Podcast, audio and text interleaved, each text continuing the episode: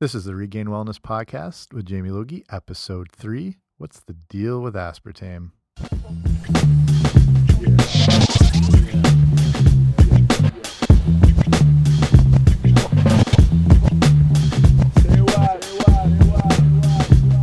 Hey guys, welcome to the Regained Wellness Podcast. I'm Jamie Logie. This is our third episode here, talking today about artificial sweeteners and aspartame. But before we get to all that, uh, I just want to thank you for listening.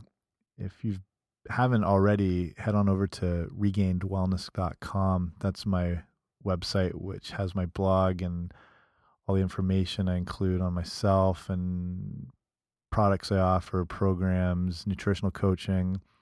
You can sign up for the email newsletter. And when you do that, it sends you my free ebook, which is the Healthy Eating Starter Kit. So it's got a lot of great information on foods you should look to be including, foods you should not um, include in your diet at all.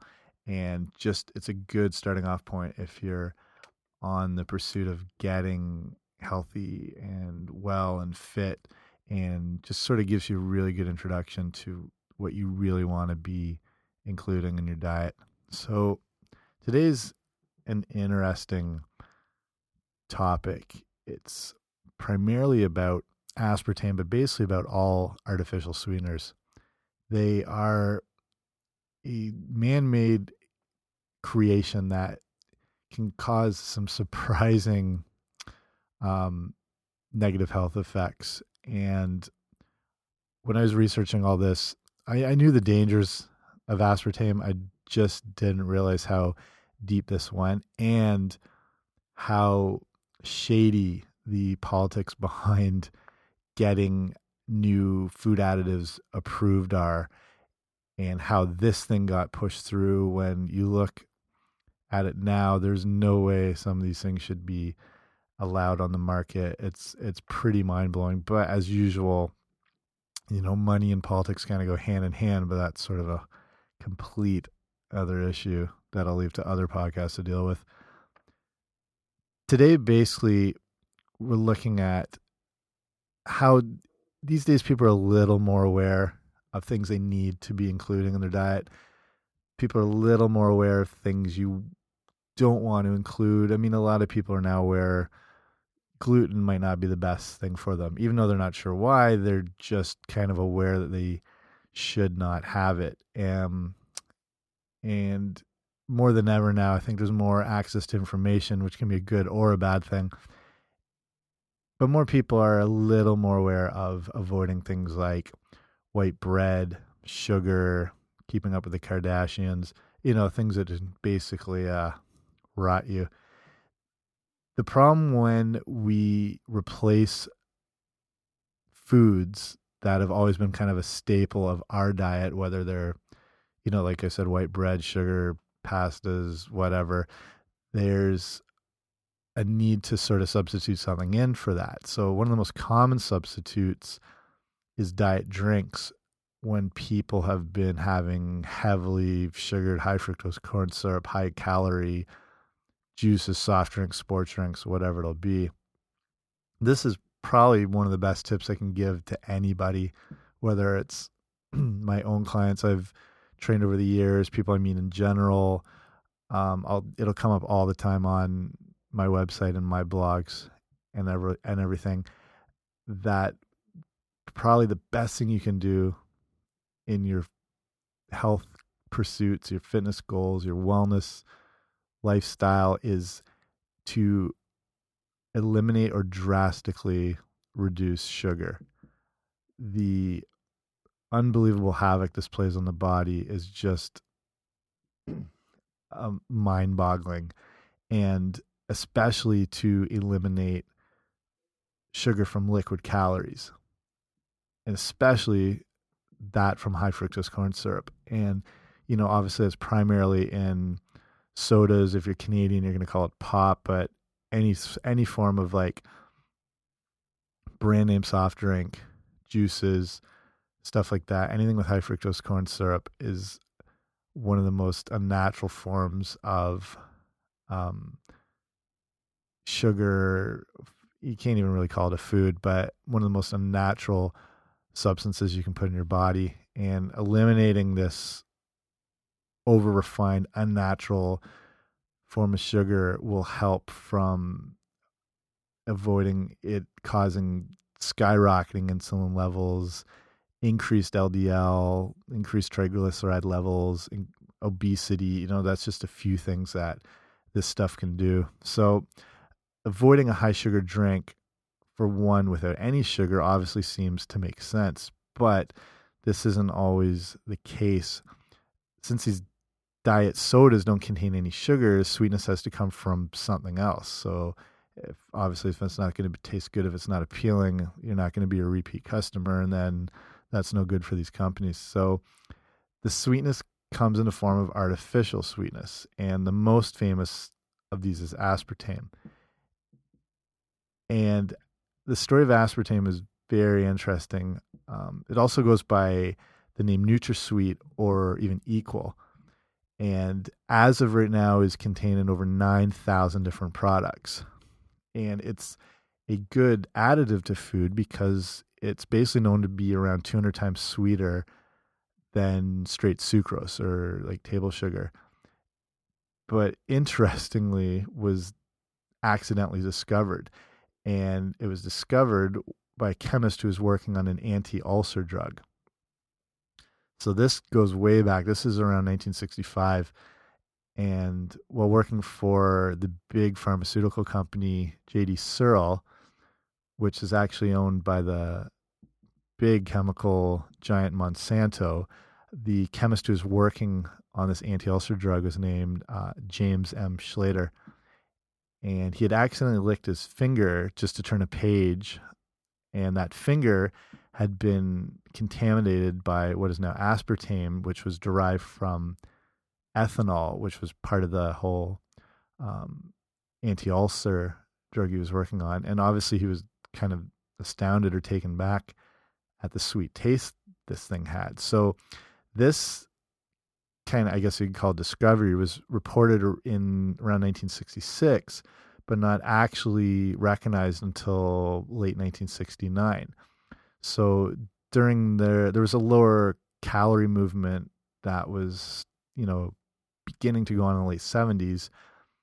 And then a use for an artificial sweetener was recognized, and a great financial opportunity was also recognized. So, as with any new food additives or what have you, they ha it has to be obviously approved. You just can't put this thing on the market. So the FDA actually originally disapproved of aspartame in 1980 as it had a board inqui- inqu- sorry, inquiry made up of a team of scientists to just see how this thing could affect people if, if, there was dangers behind it they just you know you just can't have people ingesting brand new additives but they these scientists reported that it might induce brain tumors. That was their findings on it. So this is where it gets a little almost uh, michael moore conspiracy documentary ish, but the uh, after this disapproval, it was challenged by then Searle chairman and future Secretary of Defense Donald Rumsfeld, who was adamant that this thing was going to be approved. So he was set to call in his markers, by his own words, to get it approved.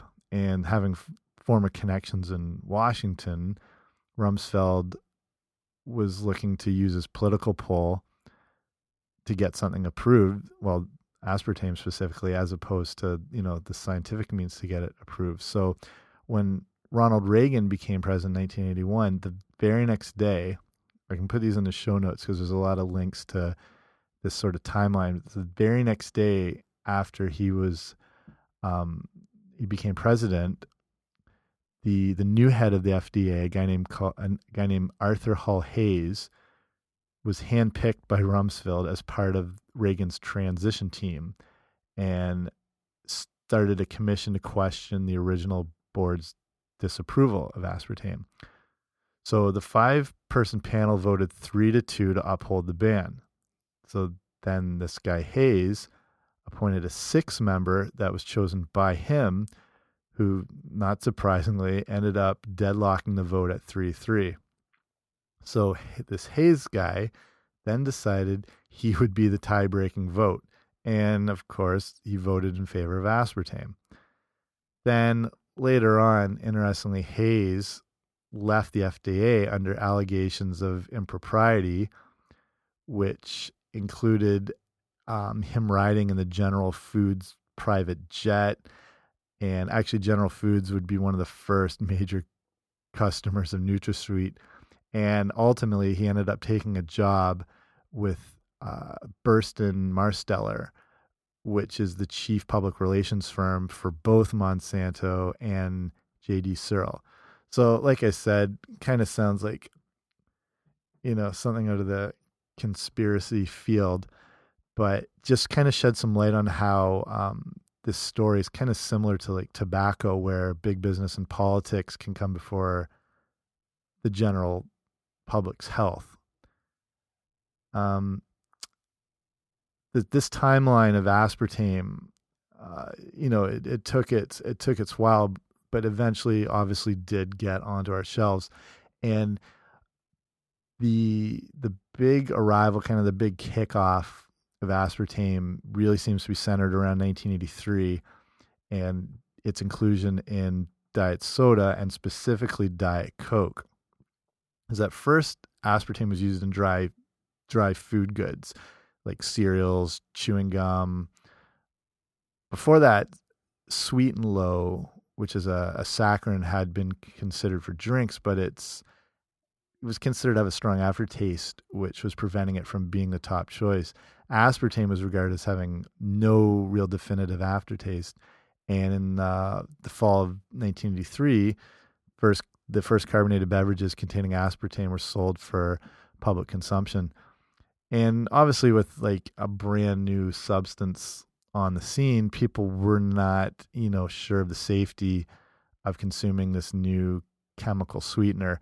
And I've got an article that was from the New York Times from 1983 that was kind of raising all these concerns. Like, people like, should we be eating this or consuming this? Is this something that maybe needs to be looked at um, in greater depth. And I'll put a link to that article. It's very interesting. I'll put that in the show notes so you can check.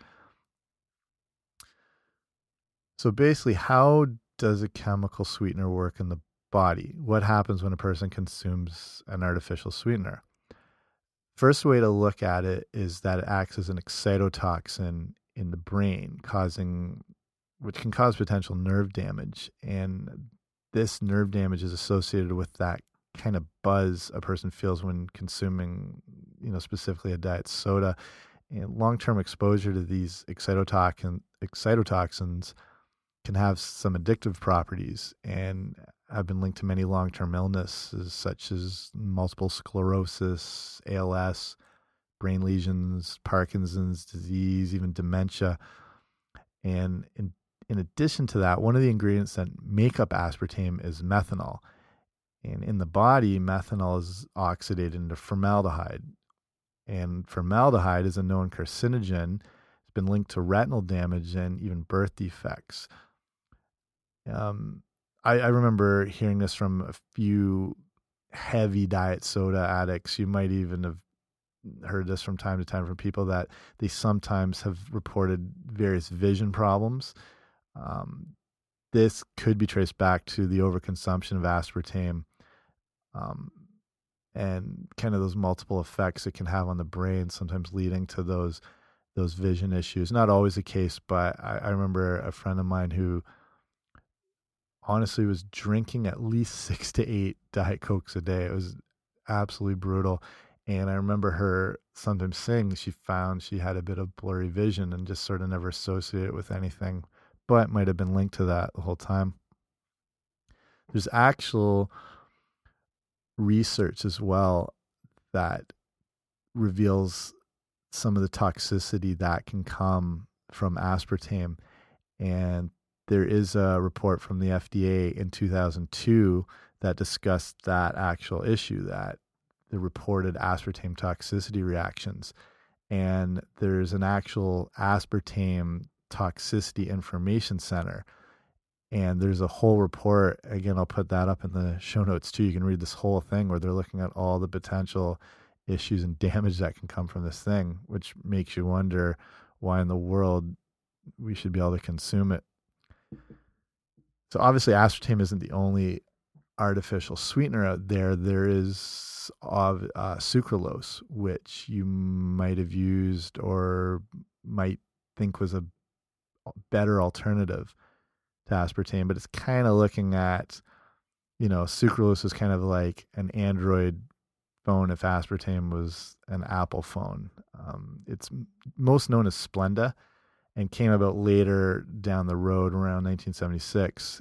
And which I find interesting because people were already looking for a potential healthier version of aspartame, which kind of sheds light on the fact that you know, maybe this is something that shouldn't be available to people. But basically, a healthier artificial sweetener was kind of being requested, or there was a need to put this thing out there as, you know, quote unquote, a healthier alternative. And the idea that people thought it was healthier choice is that it was derived sorry derived from real sugar but some would argue that it's not made from sucrose, like table sugar, but a similar type molecule that apparently is a trade secret that Splenda is not wanting to reveal. So in either case, it's the molecule is chlorinated to change the physical structure of the sugar. So this sugar molecule, um, the structure has been changed by substituting in three chlorine atoms into the sucrose molecule. So this sucralose can still come with the same side effects and interestingly had been linked to potentially blood sugar and insulin raising issues, which seems kind of surprising because this is a sugar free um, additive or it's being included in completely sugar free products. But there's some studies showing as well that this sucralose still had some poisonous effects on the kidneys and the liver, as well as complications in fetal development. So with the sucralose, it was almost like trading one in like in one problem for another when people were making the switch over. And as most people have noticed on artificial sweetener packages, there'll be mentions of tests on lab rats, and there's various information out there that there's only been six known tests on actual human subjects over all these years, and that all these um, trials, tests, whatever, have always, always been done on lab rats, which makes you wonder how can this really be acknowledged as very like legitimate studies when there's really not been a lot of human trials. So I don't I don't know if this you know only six humans test is real, but whether this is true or not reveals that the status of this sucralose is still definitely up in the air. Um, there's an interesting thing found just in 2013. There's uh, the CSPI, which is the Center for Science and the Public Interest, which has ratings on different, um, you know, things, food additives, and had actually they had downgraded the use of sucralose from their safe category to caution.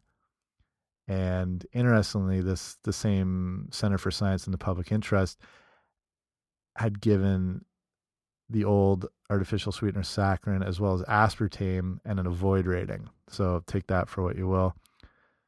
Basically, the toxic brain and body effects of artificial sweeteners are probably enough to put most people off. The more like I encourage you to keep doing your own research on this because all this information keeps popping up. Like I said, when I was looking into this, I was really unaware of a lot, a lot of the brain effects that these sweeteners had. Um, another issue is obviously a lot of people who are using diet drinks are what looking to lose weight.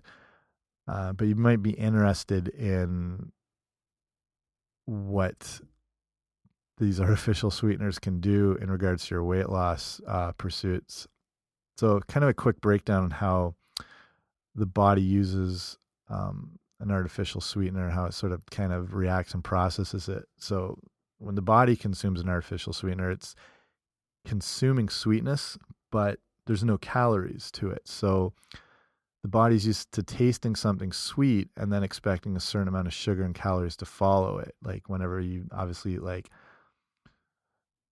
chocolate or cookies or full on sugar based sodas, your your body's used to feeling that sweetness and then all these calories and sugar follow it. With an artificial sweetener, this isn't really the case. So since there's not an intake of calories, the body starts to crave what it believes it was about to receive.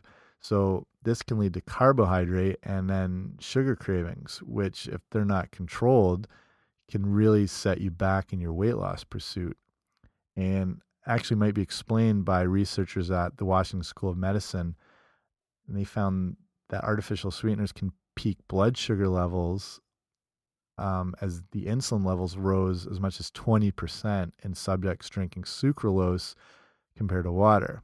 So the problem obviously is this can lead to an insulin drop and then, you know, in turn a craving for sugar. Then you eat sugar, there's a insulin spike, it, blood sugar drops again later, you crave it more, the whole cycle continues.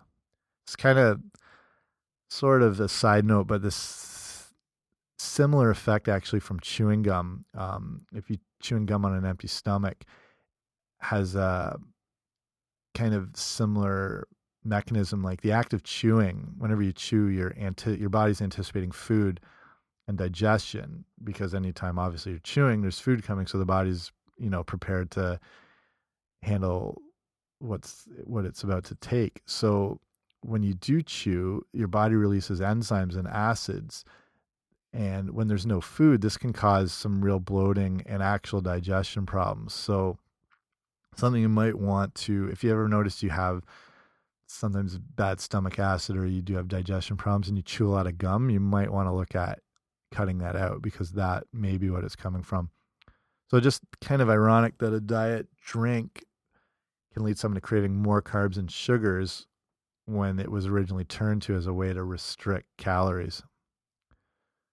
So what's what are precautions you can take for yourself? What can a person do to make sure they're avoiding these unnecessary chemical additives? So I would say reading labels on food is a good start.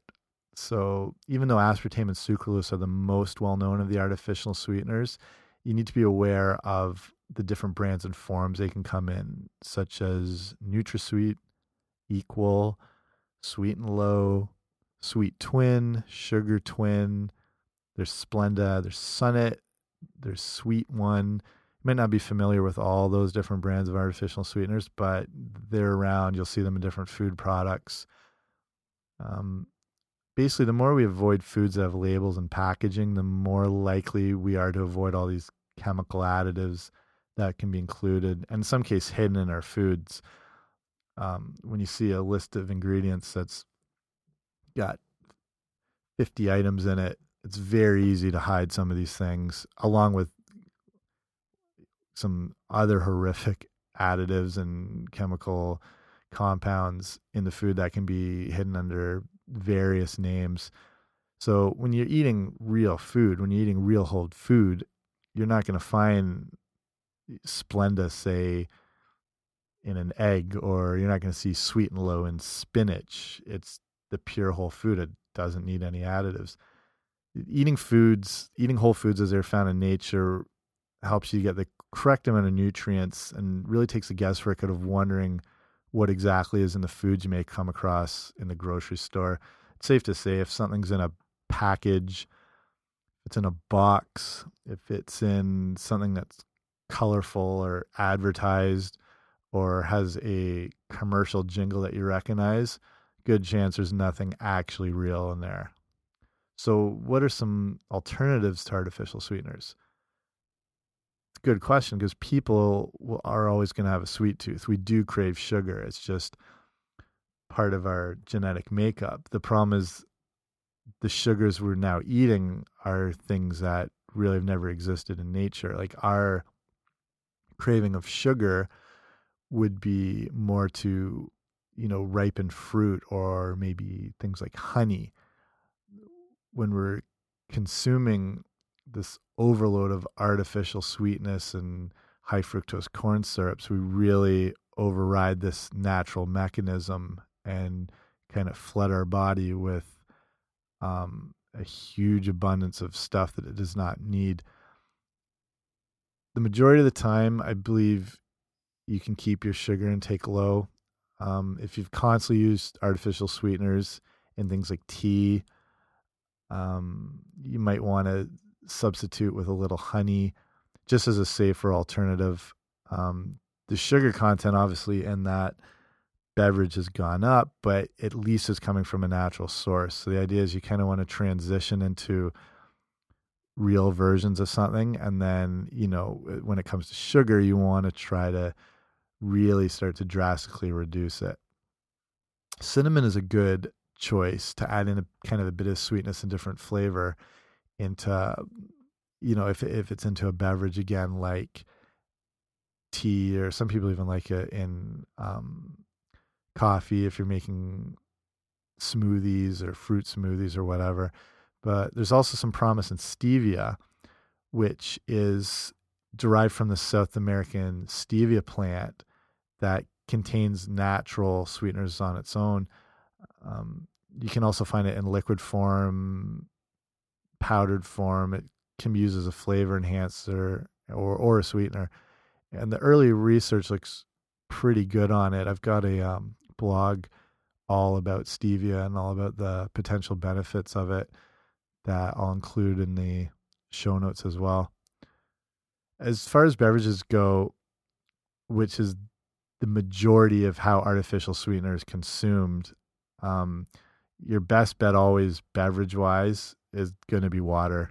Um, the filtered if you can get it. Um, if you have a Brita filter, those aren't too bad. You can buy full faucet attachments that will will filter out a lot of um, any harmful compounds in it. If obviously if you're wanting some more flavor, some little something not necessarily sweet, but a little something more pleasing to the taste buds, adding in some fresh squeezed lemon, um, even lime, sometimes even a little bit of grated. Um, you can grate a little bit of ginger uh, squeeze the juice out of that will really give it some more zest as well as some amazing cleansing benefits. It's one of the things I do first things in the morning is take half a lemon, squeeze that into a large like a large pint if you can of um you don't want to have freezing cold water but kind of more of a moderate temperature almost lukewarm water along with like I said a little bit grate about a thumb size of ginger. Take the gratings of that, kind of squeeze out the juice in, mix that in together with the lemon, and you've got a really good cleansing beverage after going an entire night without any water. So a good way to kind of like flush yourself out. Basically, with this whole artificial sweetener issue, just kind of wanted to show you how chemical sweeteners came to be, kind of what their you know their sketchy history which is to me is one of the first huge red flags. If something can't get naturally approved on its own, um, you have to wonder what's going behind the going on behind the scenes. Um, just wanted to show you some of the negative effects that they can have in the body. Like we're talking about the um, can lead into the cravings, the issues with um, potential brain issues, and the addictive properties that come from these artificial sweeteners. I'm I'm I'm just not convinced it's something that we need. Um, I look at aspartame, artificial sweeteners, you know, manufactured additives like MSG, things like that. To me, it's it's almost on the same line as cigarettes. It's something not beneficial to the human body. Had to be created. They had to be approved. They have to be. They had to be monitored. Um, there's really nothing good that'll come from it. And and like speaking of the the cigarette issue, the companies that make the sweeteners are obviously going to say they're safe. They're they're not detrimental to your health, but obviously that they're going to say that. Of course, they're not going to come out and tell you the issues with it. And and if you look at any of the studies that say um, you know, aspartame is not harmful to the body or sucralose isn't harmful. Look at what what or who is funding those studies, and I can almost hundred percent guarantee you it's those actual companies themselves that fund the studies to kind of get the answers they want. I look at it again as the like the cigarette issues. Look at the old ads from the 40s and 50s when the cigarette companies were saying the exact same thing.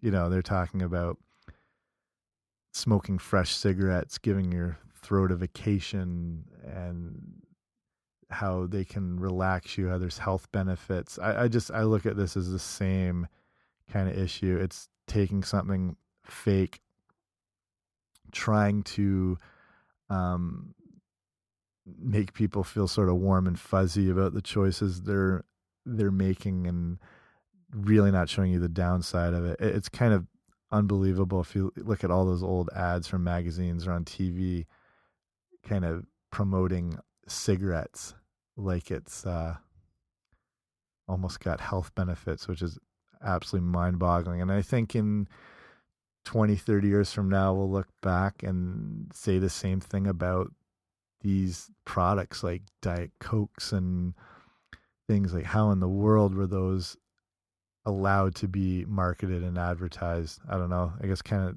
time will tell on that. The way I look at it, um, because I live in Canada, every country has its own different standards as far as what has to be printed on packages, as far as information they have to include or display. On our, uh, the other day, I'd found a package of Sweet and Low, and on the back it says, it's printed right there. This sweetener should only be used on the advice of a physician which I find kind of startling that a again quote unquote food product should be used and monitored in yourself by a physician like it like it's a medication. So I don't know. You're not going to find the, that kind of warning on a cucumber or a big bunch of kale or something of that nature. Um, kind of gives uh, further reasoning on why it's probably best to avoid anything that comes in a package.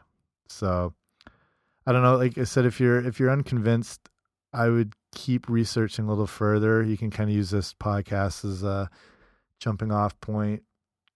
Look a little deeper into it. There's a lot of information out there. You can come to your own conclusions. You might think it's full on poison, you might think, ah, a little bit won't hurt you, but I say a little bit of poison is uh, is is still poison in my eyes, and ultimately, it's not providing you anything. So I really don't see the need to include something like an artificial sweetener in your diet, especially when there's some great other alternatives out there. Like I said, like stevia is showing a little bit of promise. You might want to like look in that a little more for yourself. Um, you know, and if you do have that sweet tooth when it, you know, comes to your beverages, um, try the try the citrus, try the lemon, try the lime, just something to give your taste buds a kick, and you'll develop. You know, if you do that consistently over, uh, you know, a week to two weeks, you might find yourself more in favor of that natural taste, and that will become more flavorful to you. They say it takes 10 days to develop a new taste bud. I've never known if that's entirely accurate or not, but the more you introduce something and get consistent with it, you'll tend to um, appreciate it more and you'll i think actually yeah you will develop those taste buds um, and you'll find that artificial or fake stuff becomes a little more um, almost repulsive to you because it's just something your body doesn't recognize. So that's basically everything on artificial sweeteners right now. Um, yeah, please come back, check the website, regainedwellness.com. You can keep up to date with everything I'm doing. Make sure to sign up for the newsletter there. Um, and if you want to like connect with me, You can email at info at regainedwellness.com. Check me on Facebook. It's facebook.com slash regained wellness. Also on Twitter as well. And the handle is at regained wellness. And that's a good way to reach out. And if you have any questions, comments, concerns, um, feedback, yeah, just jump into any one of those uh, outlets. So it's a good way to touch base and connect. So thank you for listening, and we'll see you next time.